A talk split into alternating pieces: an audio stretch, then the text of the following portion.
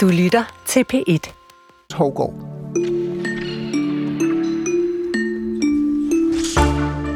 Så meget kunst gennem tiden er skabt i en rus af alkohol eller hårdere stoffer, nogle gange kombineret med et traumefyldt liv, og det kan altså aflæses, når man ser på, hvordan kunstnere døde.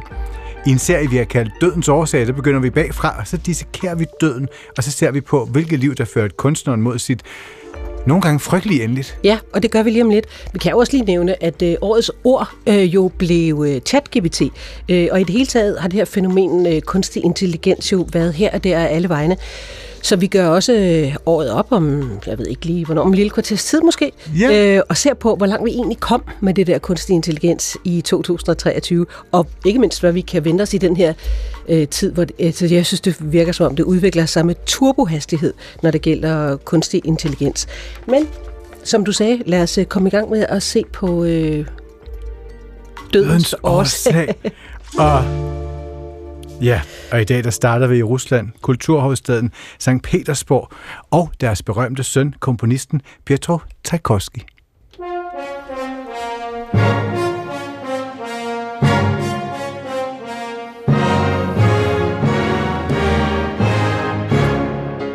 Han drak, og han drak rigeligt, Piotr Tchaikovsky, mens han komponerede sin fantastiske musik.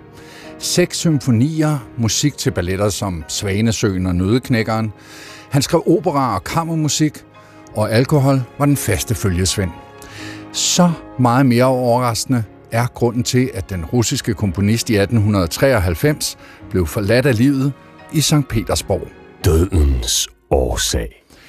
Velkommen igen til dig, Maja Thiele, Tak skal du have som jo er læge på Odense Universitetshospital og professor i leversygdomme. Nu har vi sagt, at han drak, han drak, han drak. Hvad døde han af? Altså, øh, angiveligt døde han af at drikke et glas vand. Og det er jo derfor, at det er så fantastisk en historie. Nu skal vi jo ikke gøre grin med døden, i hvert fald ikke for meget.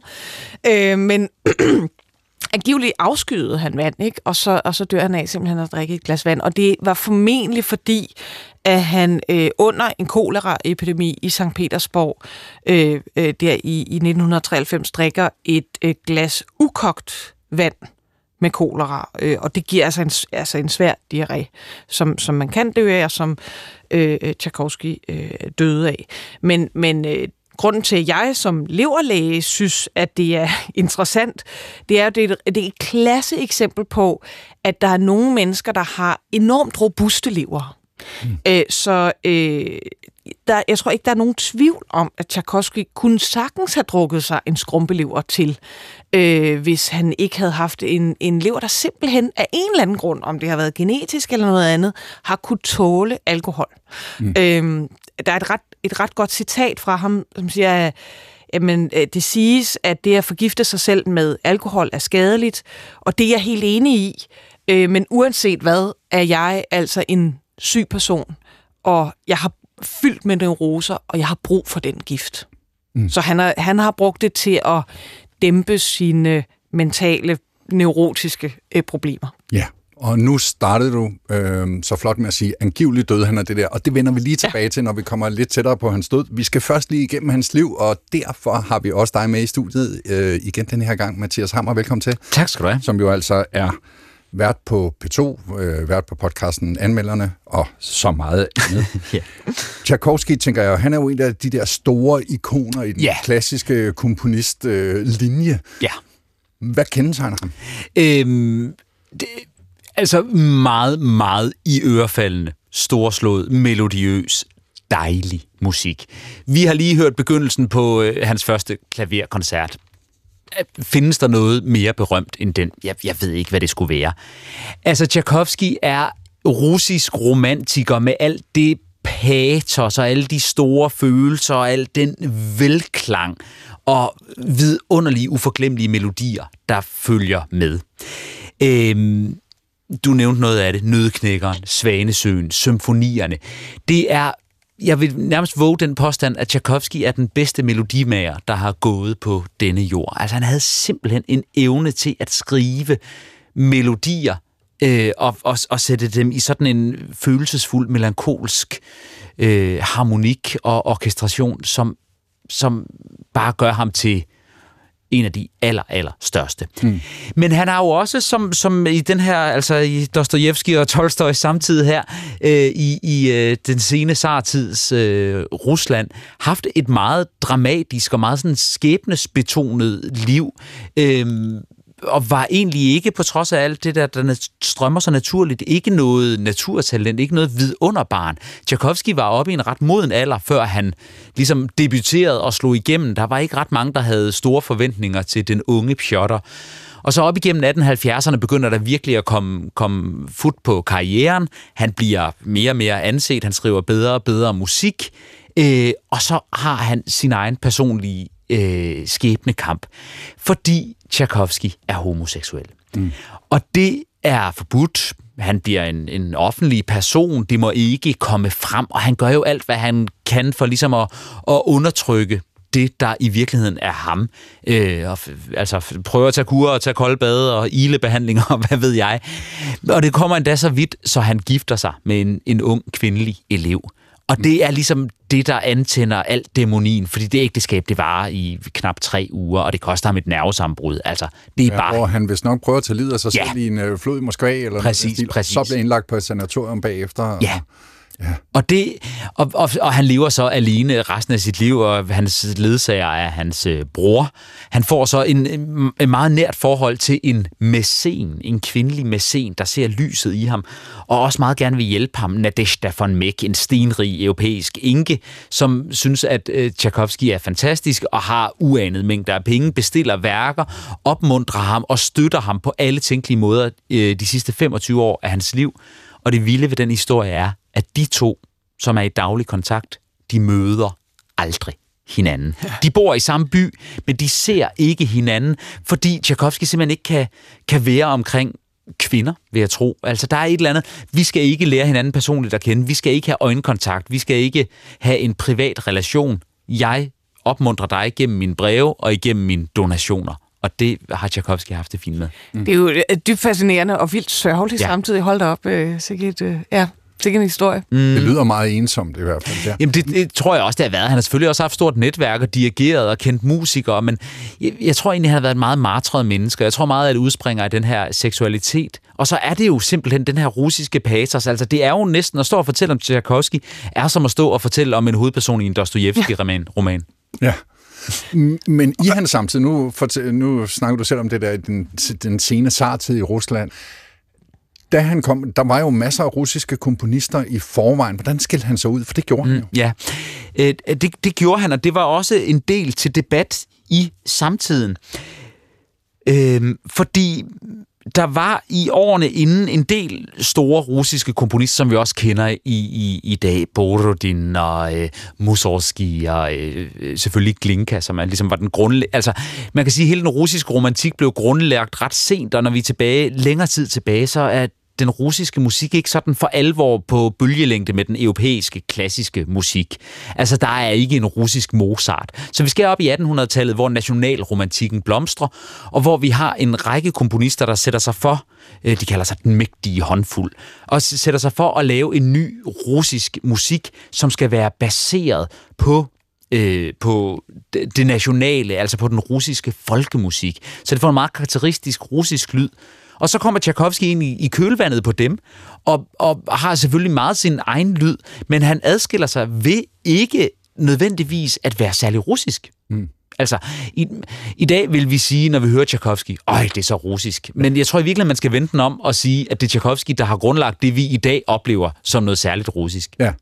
Jeg så, nogen, der var nogen, der kaldte ham den dystre russer. Ja. Det passer vel egentlig også meget ja, godt, det, ikke? Jo, det gør det, det gør det. Der er den der sådan... Øh, skæbnes tunge atmosfære i rigtig meget af hans musik. Og selv når den er lækker og lys og dejlig og drømmende, så har man sådan en fornemmelse af, ja, men lige om lidt bryder helvede løs. Jeg synes næsten, man kan høre det på det citat der omkring øh, alkohol, at han, han ser øh, altså sine neuroser og måske hvis man skal ekstrapolere rigtig meget, ser døden i øjnene ved at sige, jamen, ja, jeg ved, det er ja. gift, men jeg kan ikke leve uden giften. Ja.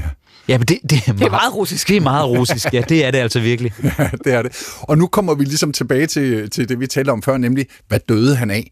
Fordi at øh, du fortalte før mig, at det mest sandsynlige er nok, at han drak et glas vand. Der altså var... man ved jo i hvert fald, at der var kol, altså så kolera var et stort problem øh, på, den, på den tid, ja. og der var en koleraepidemi, og, og kolera er jo sådan en lille øh, bakterie, som hvis man drikker den, kan man få øh, en voldsom diarré, altså som kan øh, slå ind ihjel i løbet af ganske kort tid.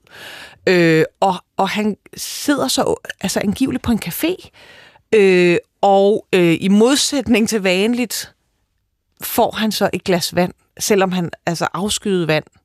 Og det er oven i købet et glas vand, der ikke er blevet kogt. Og det, var, det undrede i hvert fald mig lidt, hvorfor når man, når man ved, der er koleraepidemi, og man ved, at det i øvrigt hænger sammen med ukogt vand, mm. Øh, at, man så, øh, at man så drikker et, øh, et glas øh, vand, der ikke er blevet kogt. Ja, og i øvrigt bevæger sig i, i, i de samfundslag, hvor man må forvente, at, at der er ligesom, det, det er der, der er mest styr på hygiejnen. Det er simpelthen ikke en god nok forklaring, det var en anden tid dengang. ja, nej. Altså, den går ikke. Nej, nej, den går ikke her. Og det er også derfor, der er jo også kommet nogle spekulationer om, øh, der er nogen, der tænker, måske var, blev han forgiftet med arsenik.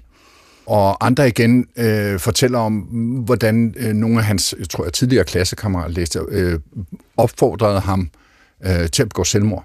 Mm. Øh, simpelthen fordi, at øh, der var det rygtedes, at han stod i forhold til, og der kommer vi ind på øh, homoseksualiteten, ja. en nevø, øh, en der var nevø til sådan en i de højere lag i, i Rusland, og øh, det ville blive en kæmpe skandal, hvis det kom ud. Og det, altså, det er jo alt, hvad, hvad sådan en god russiske historiefortælling er gjort af. Det her, der er et eller andet, den officielle årsag er, at han var uheldig at drikke et glas kolera-inficeret vand. Og det, der, altså, det er jo det der sådan fake news. Vi kan jo følge det helt op til øh, Putins tid her i dag. Ikke? Altså, hvad er sandt og hvad er falsk i Rusland? Og hvordan dør folk? Er, er han i virkeligheden blevet slået bestialsk ihjel, fordi der er nogen, der vil ham til livs? Vi finder aldrig ud af det. Der bliver dækket over det. Jeg, jeg, jeg, synes, det er, jeg synes, det er magisk. Mm. Men som, som mange andre gode historier, så har den her også et fabelagtigt øh, optrin, før øh, han dør, nemlig hans sidste øh, store værk får sin premiere. Hvor mange dage? Øh, ni, ni dage før han dør. Ni. Og det her, det bærer jo brænde til bålet om, at han ikke uheldigvis er blevet kolera-inficeret. Fordi hans sidste værk, skrevet af en martret mand, der har en forbudt relation med en, der kan koste ham karrieren og anseelsen, Hans sidste værk, symfoni nummer 6, som hedder Patetik Symfoni, altså den følelsesfulde symfoni, er af mange i eftertiden blevet set som et form for afskedsbrev. Det her, det er det, der foregår inde i Tchaikovsky i de sidste dage. Det er en symfoni, der er vendt på vrangen, hvor alting, øh, alt hvad der burde være jublende og lykkeligt, er det modsatte, er tilbagetrukket, hvor glæden er amputeret, hvor alting gør ondt. Og så er det først og fremmest en symfoni, der ikke slutter, den dør. Det aller sidste i symfonien er, i stedet for at den slutter med et brag, som en, som en klassisk romantisk symfoni skal gøre i dur og en fanfare, så æbber det hele ud, og det bliver mål, og det bliver langsommere og langsommere, mere og mere tyst, og til sidst har vi kun det dybe, bankende slag i en kontrabas tilbage. Det er simpelthen en musikalsk gengivelse af det sidste hjerteslag, der slår et par gange. Kuk, kuk, kuk, kuk. Slut.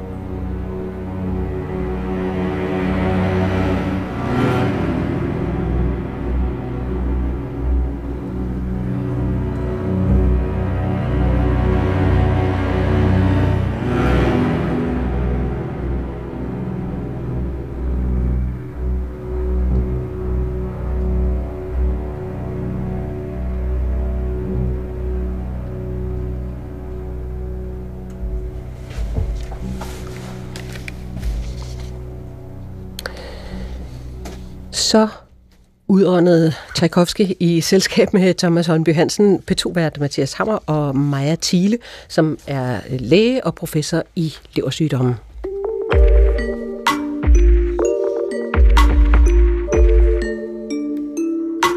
For godt et år siden i november 2022, der skyllede ChatGPT ind over Danmark og resten af verden, og det dækkede vi selvfølgelig intens af i programmet. Og da julen så nærmede sig, der bad vi DR's tech-korrespondent Henrik Molke om at komme nogle forudsigelser af, hvordan det ville komme til at gå med kunstig intelligens, der altså pludselig var blevet en sådan allemands eje. Og nu er det så gået et år, og holdt Henrik Molkes øh, for, forudsigelse stik, eller start kunstig intelligens af, og i en helt anden retning end det, vi talte om dengang.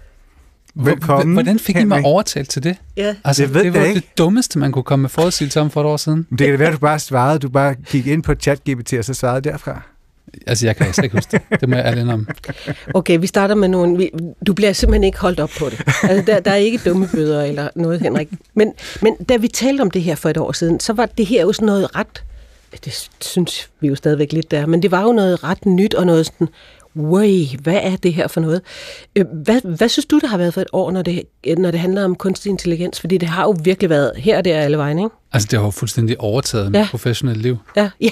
Så jeg sikkert allerede der været sådan lidt, åh nej, er der nu én ting til, jeg skal få... Ej, Øh, jeg, jeg, jeg tror for et år siden, der var det ikke rigtig gået op for mig, hvor stort det her det var. Og, jeg var og hvor hurtigt det ville der, gå. Ja, og jeg var stadigvæk i den der, sådan, det er hype, og det, øh, det, det lad os nu se-agtigt, vil jeg forestille mig. Ja, jeg kan kan slet ikke huske, no. hvad jeg sagde.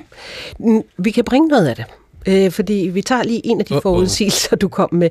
Det var den, der handlede om, hvad det her kom til at betyde for øh, undervisning og skolebrug. Et af de steder, hvor der er en kæmpe udfordring, det er jo inden for undervisning og skolebrug, hvor jeg tror, vi ret snart vil få de første eksempler på elever, der snyder, og hvor lærerne ikke kan gennemskue det. Øh, mens at man må, må forestille sig, hvis en elev pludselig skriver en langt bedre stil med et helt andet type sprogbrug og med en helt anden kvalitet, så vil en lærer jo kunne gennemskue det, uanset om det er ret godt. Ikke? Mm. Så der er også noget sund fornuft, der simpelthen øh, skal Som med al teknologi, ja. Ja, jeg synes man godt, man kan høre, at det er øh, Henrik Molke et år yngre øh, i den her lyd. Det er, Nå, du kan se mig nu. Hvad, hvordan synes du, det er gået? Jamen, det, er jo det faktisk, der med skolerne og undervisning, altså, det var faktisk ikke så dårligt ramt, ikke? Altså, ja, vi har lige optaget prompt den her uge, vores, øh, vores podcast om kunstig intelligens, hvor vi netop har snakket om øh, Undervisningsministeriets ekspertgruppe, der skal komme med løsninger på, hvad vi, hvad pokker vi gør ved eksamener næste år. Og, og de står jo lige præcis med det her problem og skal finde ud af det ret hurtigt.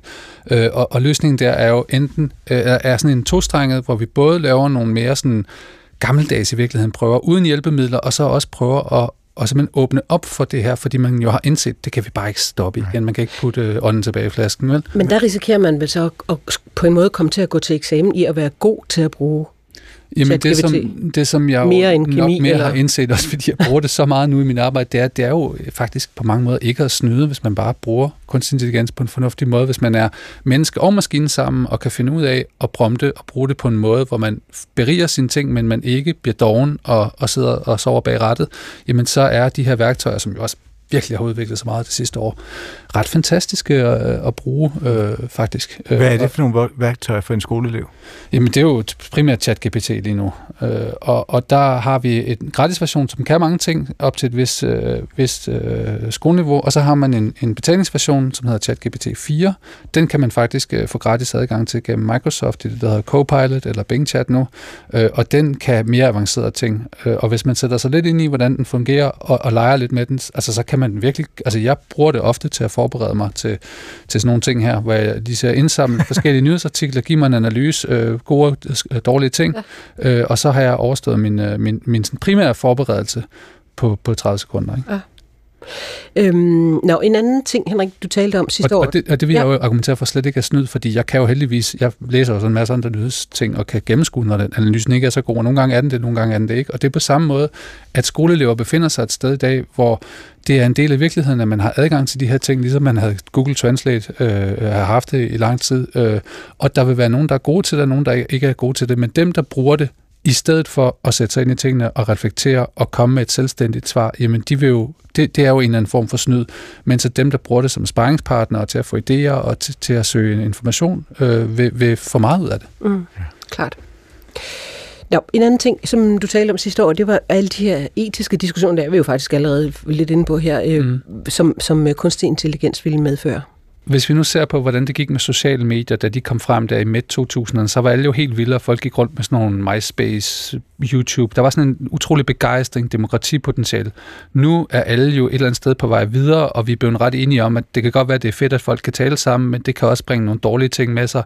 Der tror jeg på samme måde, der godt kan gå noget tid, før vi sådan begynder at rigtig forstå de etiske og også praktiske implikationer af kunstig intelligens, mens det er svært ligesom at tage debatten, før der er folk, der dør af det, eller et eller andet alvorligt sker. Men jeg tror, vi kommer er på vej ind i et minefelt af alle mulige forskellige problemstillinger.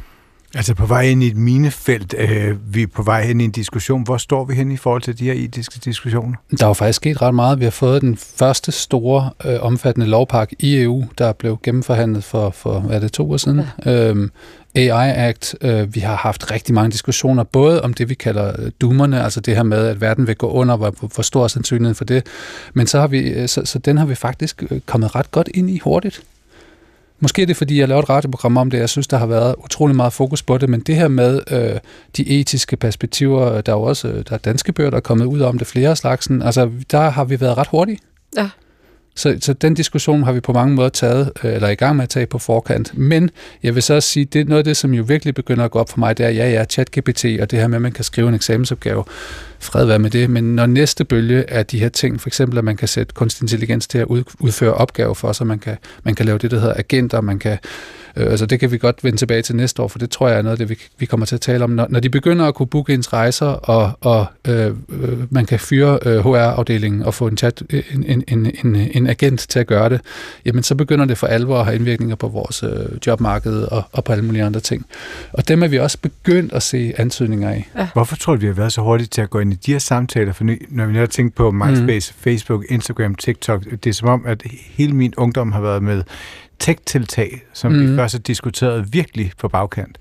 Jamen, det er nok fordi, der siden midt-tierne har været det her tech-lash, som man kalder det, altså hele det her meget kritiske tilbageslag mod den enorme optimisme, der var før det, øhm, at, at vi har prøvet at, at være så sortsedet, og det er der også nogen, der vil være uenige med, og, og synes, at vi slet ikke er kritiske nok, men der har godt nok været meget diskussion om, om jordens undergang, frem for måske øh, de sådan mere kortsigtede negative øh, konsekvenser, altså problemer med bias og problemer med øh, diskrimination og alle de her ting, dem, dem, dem har vi så ikke set så mange af, fordi den kunstige intelligens har også udviklet sig meget og blevet meget bedre. Vi diskuterer ikke så meget det her med, at ChatGPT siger ting, der er forkerte, som vi diskuterer andre ting nu. Nej. Ja. Har, der, har der været etiske diskussioner, du har savnet?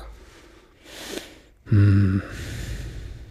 Altså det offentlige brug af kunstig intelligens og sundhedsvæsenets brug er et stort kapitel, vi ikke rigtig har taget øh, fat på i Danmark endnu, hvor der både er kæmpe potentialer, men hvor der også er kæmpe minefelter, og det tror jeg øh, er et af dem, vi skal i gang med. Fordi at, øh, det er også bare, at vi har et utroligt presset sundhedsvæsen, hvor AI virkelig vil kunne hjælpe meget, men vi er simpelthen ikke kommet i gang og kommet ind på banen, så det mm. tror jeg, vi mangler at tage stilling til. Ja. Og der er jo så en hel masse etiske minefelter i det. Ja, det ja. kommer der garanteret. Så gik vi faktisk ind i 2023 med et, øh, i, fra et modeperspektiv, et virkelig pudset billede, og det var paven iklædt sådan ja. en stor hvid dynejakke Balenciaga, fra ja. Balenciaga, og som der kom ud, og så lignede det lidt, at det var sådan et street-style-billede. Det var jo et AI-billede. Ja. Jeg opdagede det alt for sent. Jeg var ja. en af dem, der hoppede direkte på limpinden, ja. som jeg altid gør med sådan nogle ting. Men, men hele det her AI-genererede billede, altså hvor, hvor stort det fænomen er blevet?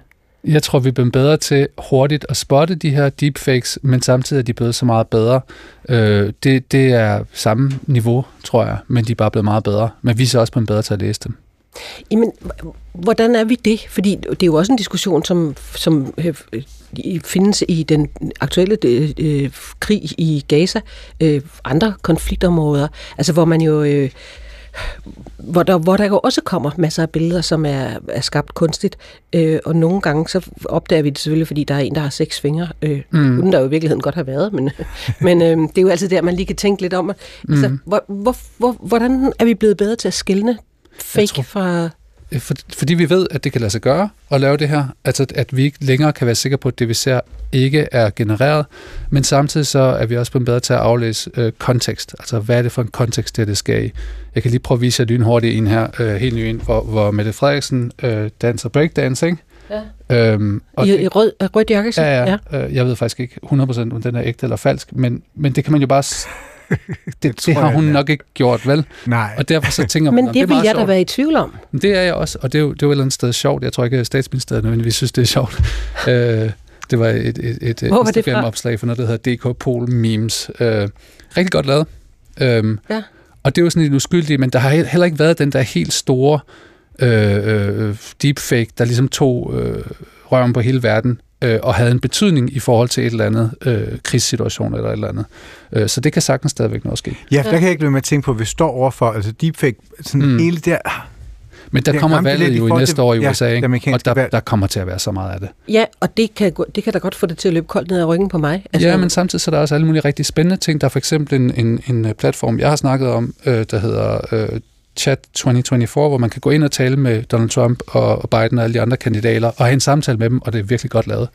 Og det tror jeg bare kan få folk involveret i politik på en anden måde, at man simpelthen kan have en samtale med kandidaten, øh, hvor de taler med deres mm. egen stemme, og man ovenikøbet kan tjekke henvisningerne, og de fungerer. Jamen, nu er vi så i gang med at kigge fremad Mm. i forhold til et, et, år, der sikkert bliver ret sindssygt, men, men i forhold til, til kunstig intelligens, hvad tænker du så mere kommer til at måske at præge? Nu 2024? lister han ind, at du faktisk Altså, nu hvad- kommer i samme situation som Ja, sidste år. Du Valget, skal, valget 2024 øh, bliver AI kæmpe stort, tror jeg. Altså hvordan, jeg, hvad, generelt... hvad, hvad spår du? Jamen, jeg spår, at der vil blive masser af pressehistorier om, at man har fået en chatbot til at sige en anden konspirations. Det er, det er der allerede. Øh, eller man, jeg fik ret hurtigt Biden til at sige, at han vil øh, øh, sælge, Dan, øh, sælge Grønland, eller, eller øh, Trump til at sige, at han, vil, øh, han godt vil have, at verden gik under. Altså, man kan få de her chatbot til at sige hvad som helst. Det vil der være masser om. Det er lidt uinteressant, men jeg tror, at det kommer til at spille en rolle, både godt og skidt i valget, at det er blevet så nemt at, at fake øh, indhold og nyheder. Og så tror jeg, vi kommer til at se meget mere disinformation, og snyd og svindel, som er de dårlige ting, er genereret af kunstig intelligens. Øh, men samtidig vil vi også opleve på de sociale medier og andre steder, at en stadig større del af vores indhold er forfalsket, og derfor vil vi også være mere vant til at, at forholde os til det. Ja. Så, øh, og så vil de øh, mange, rigtig mange, fordi det nu bliver en del af Office-pakken, få det ind i deres hverdag, at bruge værktøjerne i deres arbejde og opleve den her kæmpe produktivitetsforøgelse øh, på nogle områder, som jeg for eksempel også har oplevet de sidste par måneder ved at bruge kunstig intelligens. Ja. Ja. Altså jeg simpelthen kan udføre opgaver hurtigere og bedre med det. Så vil jeg lige spørge til til allersidst, og til mange af vores lyttere er jo altså, på den gode side af 40, Mm. tænke, forestiller er jeg mig. Så man sidder det der med sådan, at hvis man er gammel, kan man måske have den der angst for, øh, kan de unge overhovedet overskue det her? Og samtidig så vil jeg så tænke, måske det er de unge, der, hvad hedder det, der er allerbedst til at gennemskue de her fakes, men hvor står vi i forhold til generationerne, i forhold til kunstig intelligens, AI, det kommende valg? Altså, hvem tror du er bedst klædt på til at, at gå ind i, altså i fremtiden med de her ting? Jeg tror ikke kun, det handler om alder. Jeg tror også, det handler om, hvilke sådan, sociale strater, hvilke, hvilke relationer man har, hvor, hvor valg man er til at beskæftige sig, er simpelthen altså færdig i de her miljøer på internettet, hvor man lærer de her ting. Øh, så, så jeg tror, det er meget fordelt, men det er klart, der er en alderdoms, øh, øh, hvad skal vi sige, der er en del af befolkningen, som, som ikke naturligt bare hopper ind og interagerer. Jeg har jo også skulle vende mig til, jeg er 47 og skulle vende mig til at tale med computere frem for at skrive til dem på bestemte måder. Øh, men det tror jeg, vi kommer til at se meget i, i 2023. Det simpelthen vil blive bredere og større og mere almindeligt at interagere med computere på den Mm. her måde. Og nu har du, når I laver jeres øh, nytårsprogram på prompt, Mm. så gætter I garanteret også på, hvad det vildeste bliver øh, i 2024. Øh, ej, det ved jeg ikke, om I gør. Men øh, gør det her. Altså, hvad, hvad øh, hvis man kan, hvad, hvad tror du bliver den største landvinding?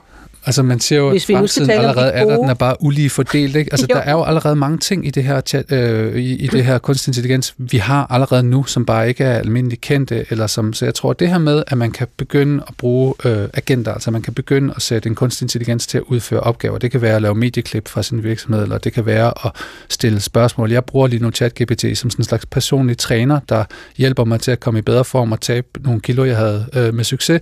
Så jeg tror, det her med at interagere med computer, øh, som om det var en funktion eller et andet menneske, eller en eller anden form for værktøj, der også har nogle menneskeagtige karakterer. Det er det, vi vil, vil vende os mere til i 2024, øh, og, og se både gode og, og også øh, uheldigvis dårlige øh, Ja. konsekvenser af. Og så øh, er jeg meget spændt på at se, hvad der sker inden for sundhed og, og offentlig administration, i verdens mest digitaliserede land. Ja, Men den digitale træner må du gerne sende videre til mig. Tak til dig, Henrik Molke, tech-korrespondent her, der jeg. Og vært på prompt, som sendes næste gang. Torsdag kl. 9, Tak for det. og også på internettet. god, øh, god jul. Tak lige måde. Når madmanden Claus Meier han vågner om morgenen, så tænker han som regel på sig selv som en person, der ikke er god nok. Med andre ord, så falder det ham ikke naturligt at tænke på sig selv som et godt menneske. Men han er ikke desto mindre optaget af andres anerkendelse, og mere det om lidt. Ja, fordi det er øh, Claus Meier, der gemmer sig bag dagens julekalenderlov i øh, vores øh, serie her på Kulturen. Vi spørger dag, øh, hver dag et nyt menneske om, eller hvordan vedkommende er et godt menneske. Øhm, og madmand er jo, som du selv siger, en måde at beskrive Claus Meier på. Øh, selv skriver han i en, øh, en ny erindringsbog, der kom for ikke så længe siden, den der hedder Drømmer. Han skrev sådan her, jeg er jo ikke bager. Jeg er jo ikke kok. Restauratør dækker det heller ikke rigtigt. Måske er iværksætter det, der kommer tættest på. Ja, men da vi spurgte ham forstående altså enten madmand eller hele Danmarks chefkok, som han for nylig hørte sig selv beskrevet. Og så til sagen. Først der fik Claus Meier spørgsmål om, hvad han generelt forstår ved begrebet godhed. Og det lød sådan her. Jamen, for eksempel, at man går gennem livet på en måde, hvor man øh, spreder glæde og håb og fremgang, øh, og at man øh, undgår at øh, efterlade tabere i sine fodspor.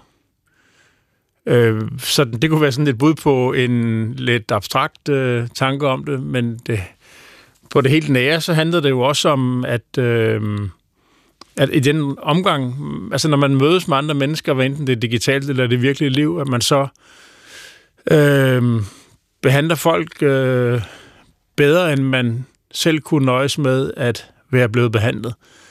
Og det kunne være noget så simpelt som, hvis der er en fremmed, der skriver til en, at man, selvom man måske ikke kan imødekomme det, der spørges om, at man så svarer pænt og høfligt. Øhm, det bestræber mig virkelig på, selv når folk nogle gange, jeg har fundet ud af, at man også kan skrive til en på Instagram. Jeg er ikke så, jeg er ikke så digital, men nu er jeg også begyndt at prøve at svare på alle, der skriver til mig på Instagram, selvom jeg jo ikke kan, kan imødekomme det hele. Men, øhm, og så sent som i går, der havde jeg selv spurgt forsigtigt til en, til en, altså en, en journalist, om han havde mulighed for at jeg bare stillede spørgsmål. Hvad var spørgsmålet?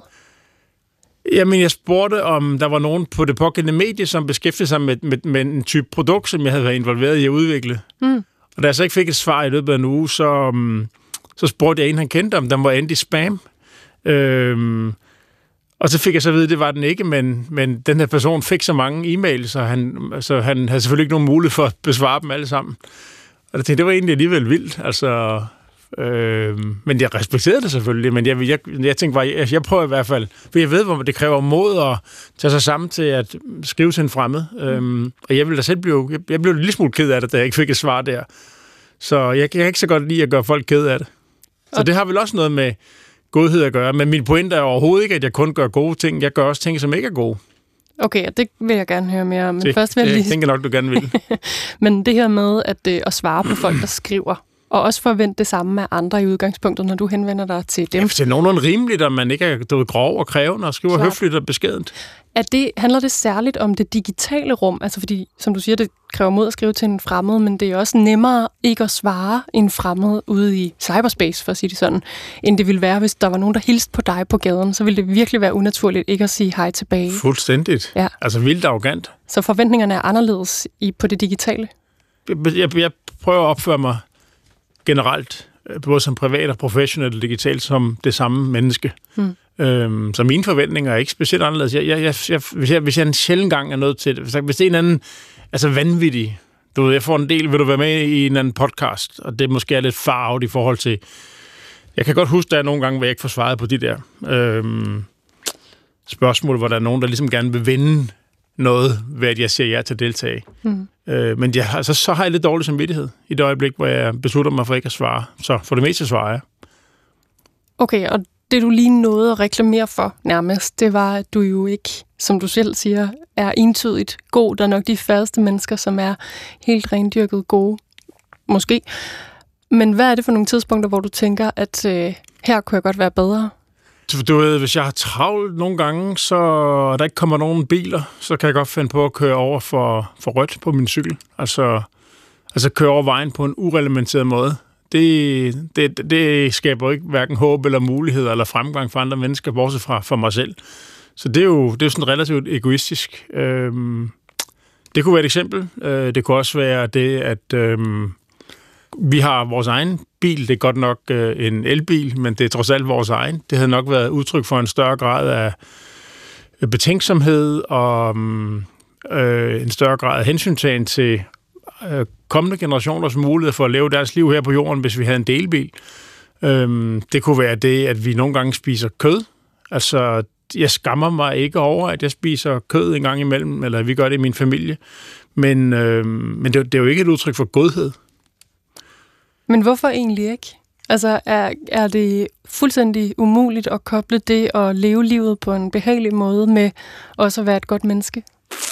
Øh, overhovedet ikke. Altså, jeg synes jo, at, altså, det, det er lidt, når vi spiser kød, nu har jeg en enkelt datter, der er vegetar, og en anden, som har været... Øh, men vi, vi er nået til et sted i vores liv, hvor vi faktisk bliver lige så lykkelige. Måske endda faktisk endnu mere lykkelige, og på en dybere måde, når vi spiser et måltid, som alene baserer sig på grøntsager. Men af tilfældige årsager, der tror jeg, sådan, sådan plejer vi at gøre. Og så sker der bare nogle måltider, som på en eller anden måde, øh, hvor, hvor kødet får snedet sig ind, selvom vi spiser virkelig mange grøntsager. Og øh, hvis vi gerne vil altså være med til at bevæge retten i, en, i, en, i verden i en grønnere retning, så tror jeg på ingen måde, det hjælper os, hvis vi begynder at øh, prøve at få andre mennesker til at skamme sig over, hvad de gør. Det tror jeg er en virkelig dårlig hmm. forandringsstrategi. Så jeg skammer mig heller ikke. Jeg siger bare, at det ikke, isoleret set, så er jeg ikke et helt utroligt godt menneske de dage, hvor, hvor jeg putter en, øh, en, en, en bøf på bordet der, der findes andre måder at løse det måltid på, som havde repræsenteret en større grad af godhed. Derfor jeg siger jeg, at alt er jo relativt. Jeg er ikke dårlig, for det gør det, men de havde, det havde udtryk for en større grad af menneskelig godhed og en større omsorg for alt levende, hvis, hvis jeg havde truffet et andet valg. Okay, lad os vende tilbage til det, som øh, hele det her indslag i virkeligheden kredser om, apropos det, du siger om godhed og kød. Hvis du skulle pege på øh, én ting, som gør dig til et godt menneske. En handling, du enten har udført en gang, eller som du generelt er optaget af at, at gøre. Hvad skulle det så være? Jamen, altså det mest indlysende eksempel er jo nok, at, at øh, jeg i 2011 besluttede mig for at lave en fond, som øh, hedder Melsingport-fonden, og som øh, Øh, hvor, jeg, hvor jeg kunne, øh, nogle af de penge, jeg havde tjent, jeg har jo ikke arvet penge, øh, jeg har tjent de penge, jeg har tjent selv, men jeg nåede på et tidspunkt derhen, hvor jeg synes, at jeg godt kunne undvære nogle af de penge, jeg havde tjent, og den puttede jeg ind i den her fond, så jeg kunne hjælpe nogle mennesker, jeg ikke kendte, øh, og som ville, og som havde, som, som man ville kunne kalde for underprivilegeret eller marginaliseret. Øh, ikke bare ved, ved at stille nogle penge til rådighed, men også ved at stille min viden og min erfaring og mit netværk til rådighed gennem nogle øh, Øh, uddannelsesprojekter, der havde mad og madhåndværk og øh, entreprenørskab i kernen. Så helt konkret så etablerede jeg en madskole via fonden i Vridsløs Lille Statsfængsel, sådan så folk, der var, havde langtidsdommen, øh, i stedet for at miste 5-10 år af deres liv, at det havde de, altså man kunne sige, at det havde de fortjent, men, men, men at det at komme i fængsel handler også om at blive et menneske, der kan indgå i samfundet igen, når vi nu ikke aflever folk eller øh, spærre dem inden for livet, så skal de jo tilbage og fungere i samfundet, så det er ret uheldigt, hvis man ikke lærer noget i fængslet, man kan bruge, når man kommer ud. Så derfor lavede ja, det var ikke nemt, at hverken at konstruere projektet eller få det til at virke, men øh, vi fik der uddannet 120 fanger og gav dem de første to år kokkeuddannelse, og nogle af dem er blevet kokke. Så det, det tænker jeg, her, her gjorde vi noget. Vi har selv pengene med hjemmefra et langt stykke hen ad vejen. Trykfonden gav også noget. Øhm, og vi forventede absolut ingenting tilbage. Så det tænker jeg, det er jo et meget godt eksempel på noget, der repræsenterer en betydelig grad af, af godhed. Mm. Tænkte du over det? Var det en slags motivation for dig, at du skulle gøre noget godt for verden, eller Danmark, løse lille?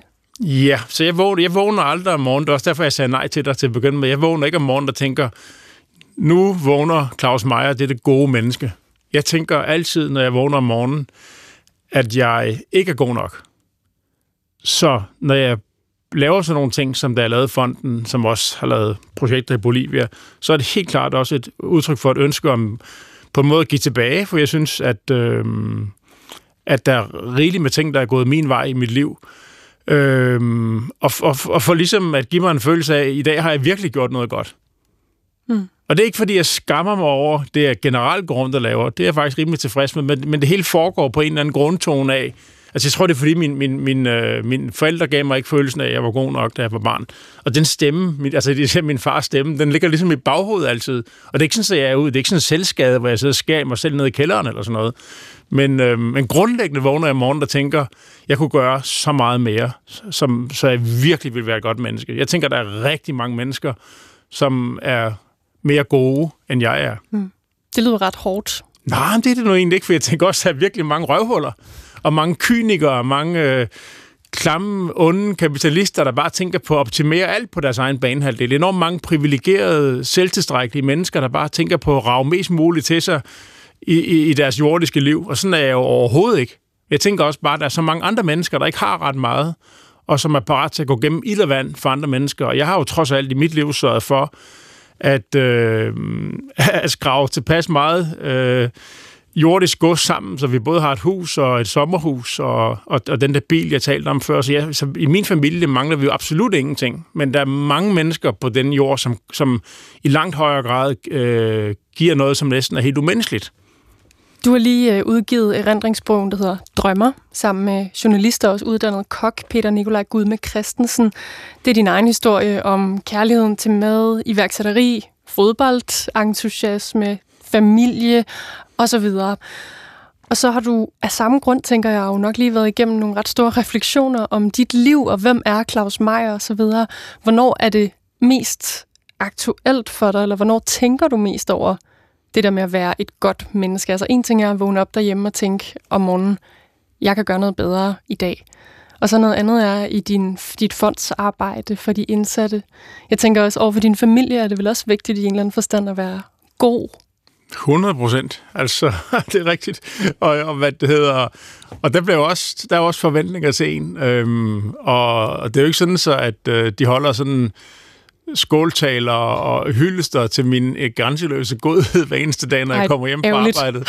fordi fordi øh, hvis man går rundt og gør mange gode ting ude i samfundet, så bliver der plads til at gøre lidt færre gode ting derhjemme. Så, så hvis jeg ikke har taget, du ved, øh, ryddet ordentligt op, eller øh, været nok opmærksom omkring en eller anden samtale, så er det jo også udtryk for en, en, en, en manglende godhed der, ikke? Altså, igen... Øh, hvis jeg skulle have fra nu, så ville jeg ikke øh, gå i graven og skamme mig over min rolle som hverken elsker eller mand eller far overhovedet, men, men jeg er meget smerteligt bevidst over, at der findes større grader af, af, af, af overskudsagtighed øh, for øh, fædre, øh, end, end den, jeg har leveret. Jeg er fuldt tilfreds, men, men jeg er faktisk ret godt tilfreds med min rolle i familien, men jeg, men jeg, går, jeg, jeg er bare langt fra at synes, at jeg er den mest fantastiske jeg kan være. Mm. Øhm, var, det, var det svar på det, du spurgte om? Ja, og jeg vil faktisk lige blive i sporet, ja. der handler om det med at blive anerkendt for det, man gør.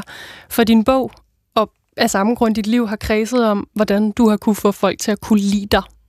For eksempel har du mm. klædt dig ud som julemand, for at gøre folk glade, og i det hele taget gjort øh, dit for at sørge for, at folk får lækker mad på bordet, og godt brød osv. Og, så og da du for eksempel begyndte at sende Majers Køkken i 90'erne, der skriver du, hvordan du modtog et hav af fanbreve fra folk, der bare ville rose dig og anerkende dig, nogen der endda ville, øh, altså var forelsket i dig, ville have sex med dig, alt muligt.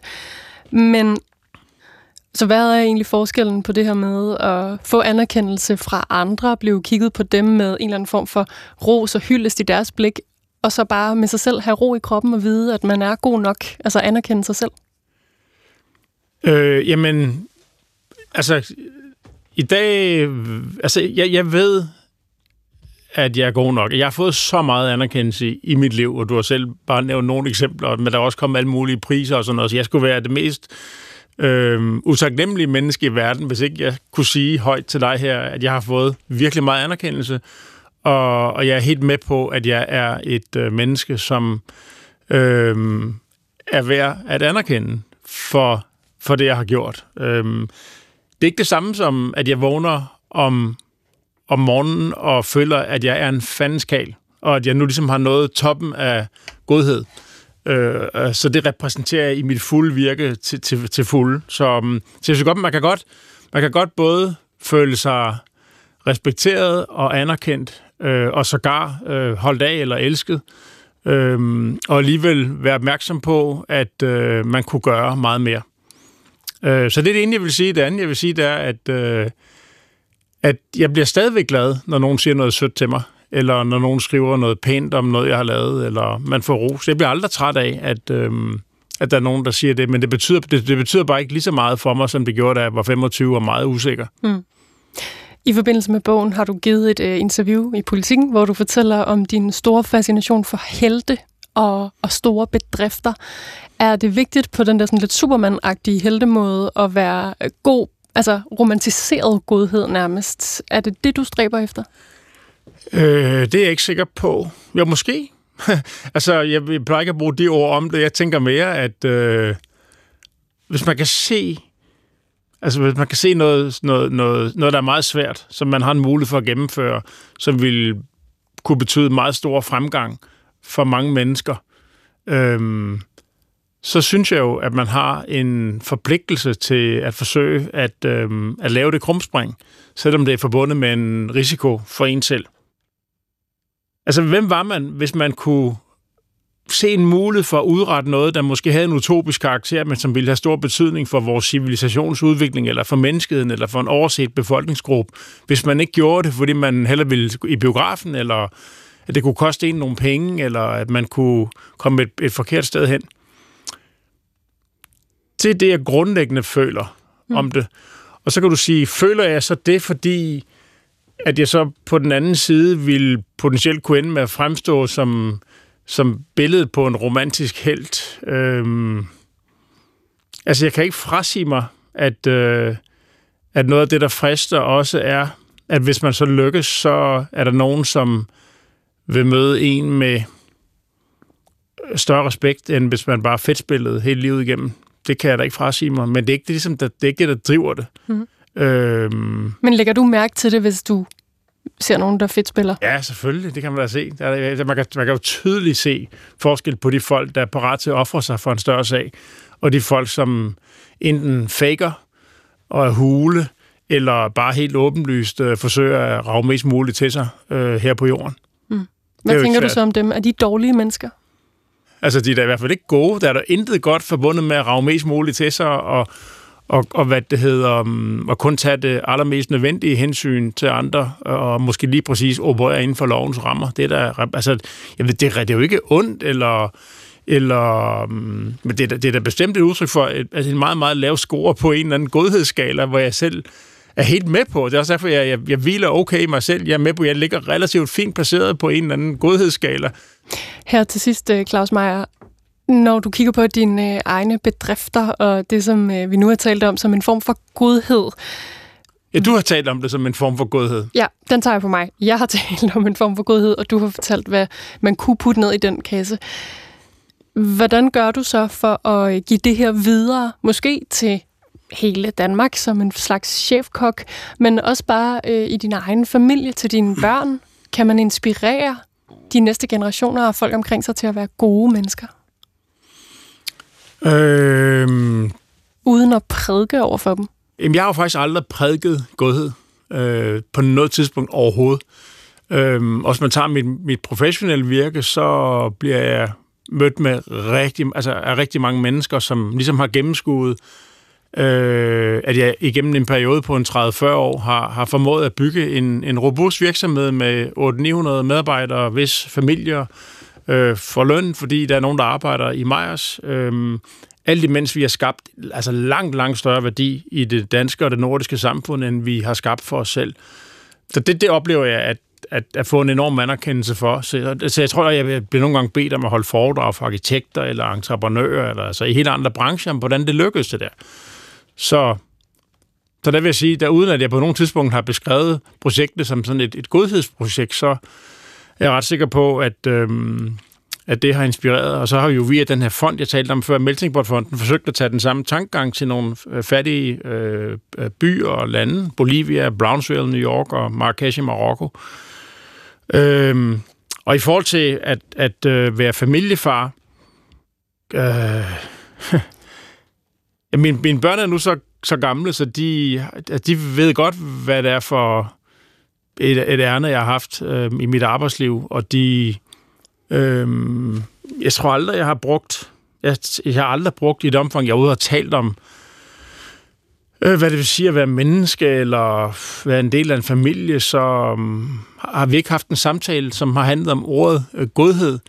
Men øhm, Er det bevidst? jamen, det er nok mm, nej.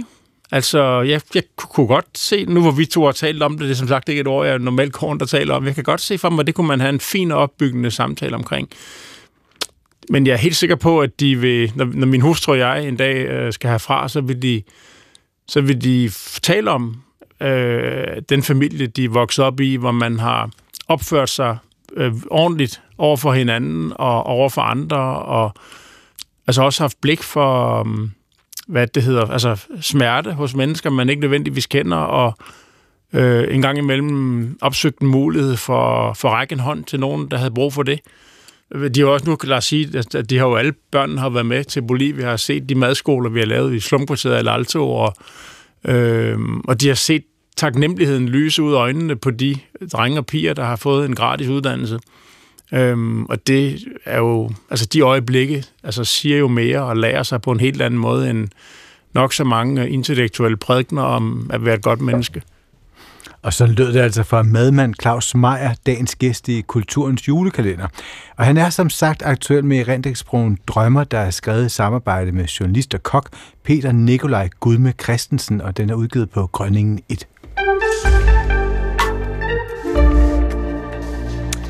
Nå, kulturen øh, lakker mod enden i dag, men i morgen er vi selvfølgelig klar med et øh, nyt program.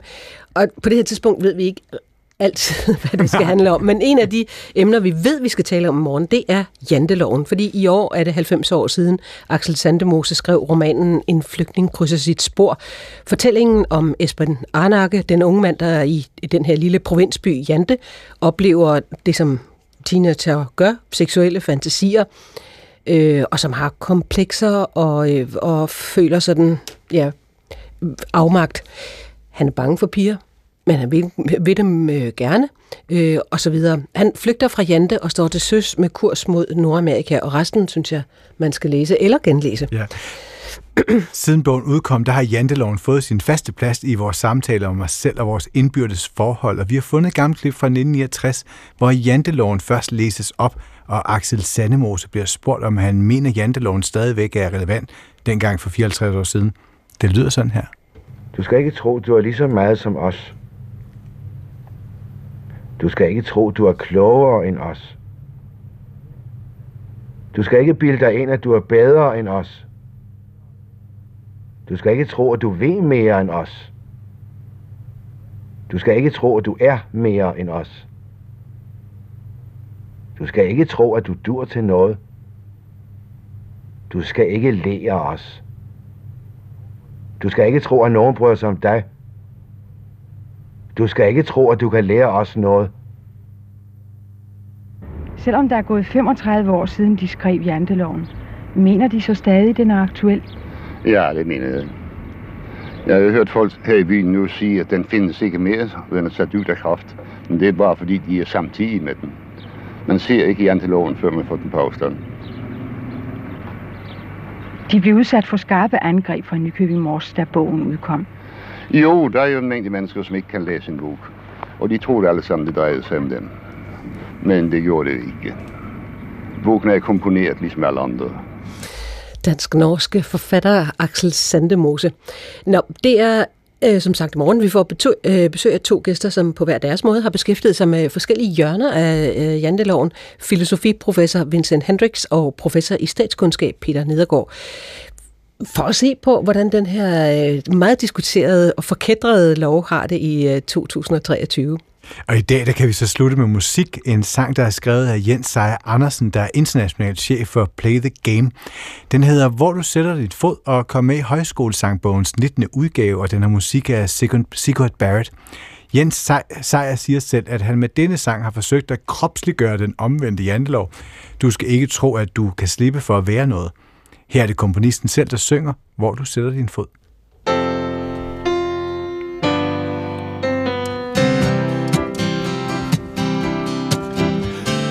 Sætter din fod på så frø af de drømme, du driver imod. Ved de veje, du finder, vil man snart plukke minder Om du flyver omkring eller står og slår rod Bliver der spor af din fod Når du åbner din hånd Ser du synlige spor af usynlige bånd? Du har fat i et stykke af din medmenneskes lykke.